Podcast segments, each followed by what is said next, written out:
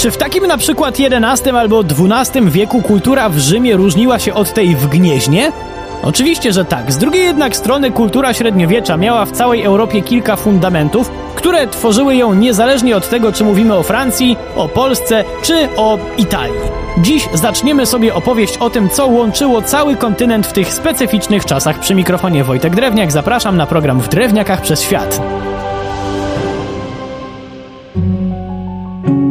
Chciałem zacząć od łaciny, żeby nie było tak oczywiście, bo aż się prosi, żeby zacząć od chrześcijaństwa, ale jednak się nie da. Mimo wszystko musimy zacząć, że tak powiem, po Bożemu, bo to właśnie religia była głównym czynnikiem tworzącym średniowieczną kulturę Europy od zachodu po wschód. Z tym, że ten wschód wiadomo, że dołączył trochę później. Formalnie chrześcijaństwo zaczęło dominację w roku 392, kiedy to Teodozjusz Wielki uznał pogańskie kulty za nielegalne. Wszyscy dotychczasowi poganie musieli przyswoić nową wiarę, a sztuka miała być jednym z głównych sposobów przedstawiania założeń chrześcijaństwa ludziom, którzy do tej pory mieli trochę inne postrzeganie świata i średnio też ogarniali łacinę w mowie i piśmie. Minęły wieki i nowa wiara na poważnie zawitała też na ziemię panicza Mieszka I. Wiemy, że z krajów, które przyjęły chrzest wcześniej, zaczęli do nas przybywać duchowni, ale nie wolno też zapomnieć o artystach albo samych dziełach sztuki związanych z religią. Co na przykład? Z Czech przybył do nas Ewangeliarz Płocki i Złoty Kodeks nazwany tak nie bez powodu. Pisany był właśnie złotem.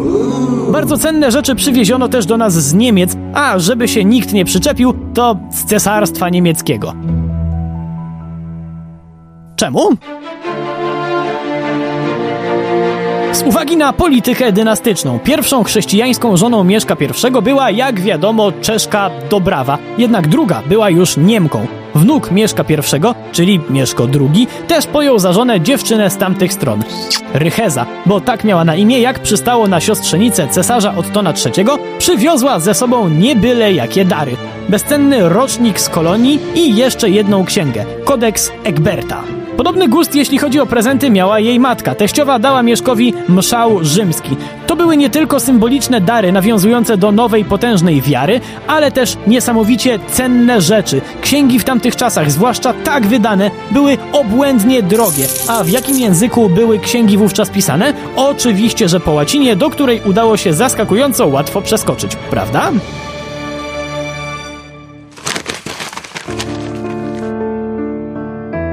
Bo język to kolejny element wspólny dla kultury europejskiego średniowiecza, przynajmniej jeśli chodzi o język oficjalny, formalny. Bo to przecież nie tak, że każdy chłop po 966 roku musiał u nas mówić płynnie po łacinie. Nie, nie. Łacina też związana jest z chrześcijaństwem, bo do liturgii została wprowadzona już pod koniec IV wieku. Chodzi konkretnie o moment, kiedy Hieronim ze Strydonu przełożył Biblię na łacinę.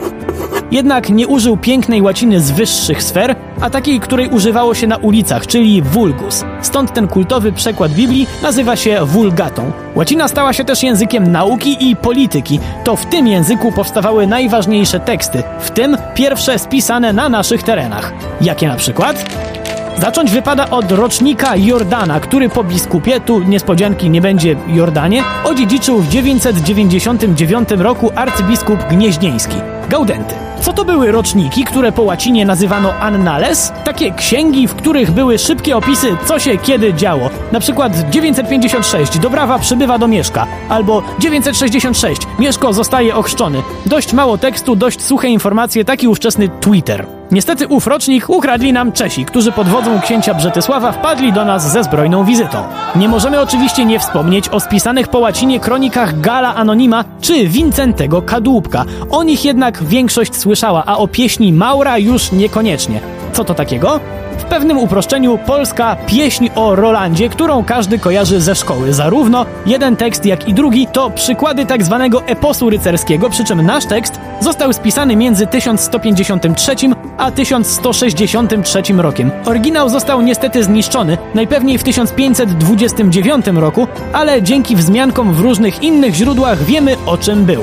Utwór opowiada o Piotrze Włostowicu, śląskim palatynie, który skumał się z innymi buntownikami i wystąpił przeciwko Władysławowi Wygnańcowi. Opłacało się? No tak średnio, bo przypłacił zdradę oślepieniem i pozbawieniem języka. Ale to nie koniec niedobrych informacji, bo po jakimś czasie okazuje się, że gdyby nie jego mściwa i podła żona, to owych nieprzyjemności by nie było. Historia kończy się tak, że żona zostaje wygnana, a palatyn zyskuje przebaczenie władcy, po czym pogodzony ze światem umiera po kilku latach. Pieśń Maura to ważny element naszej historii, aczkolwiek nie tak ważny jak inny spisany po łacinie na naszych ziemiach dokument kultowe Dagome Judex. W tym najstarszym rodzinnym dokumencie państwowym skierowanym do papieża Mieszko I opisuje granice swojego kraju. Swoją drogą Dagome Judex do dziś powoduje spory między historykami i żywe dyskusje. Całkiem nieźle jak na niewielki papierek i to jeszcze przepisane z błędem. Kiedyś o nim opowiem więcej, jednak nie następnym razem, bo w kolejnym spotkaniu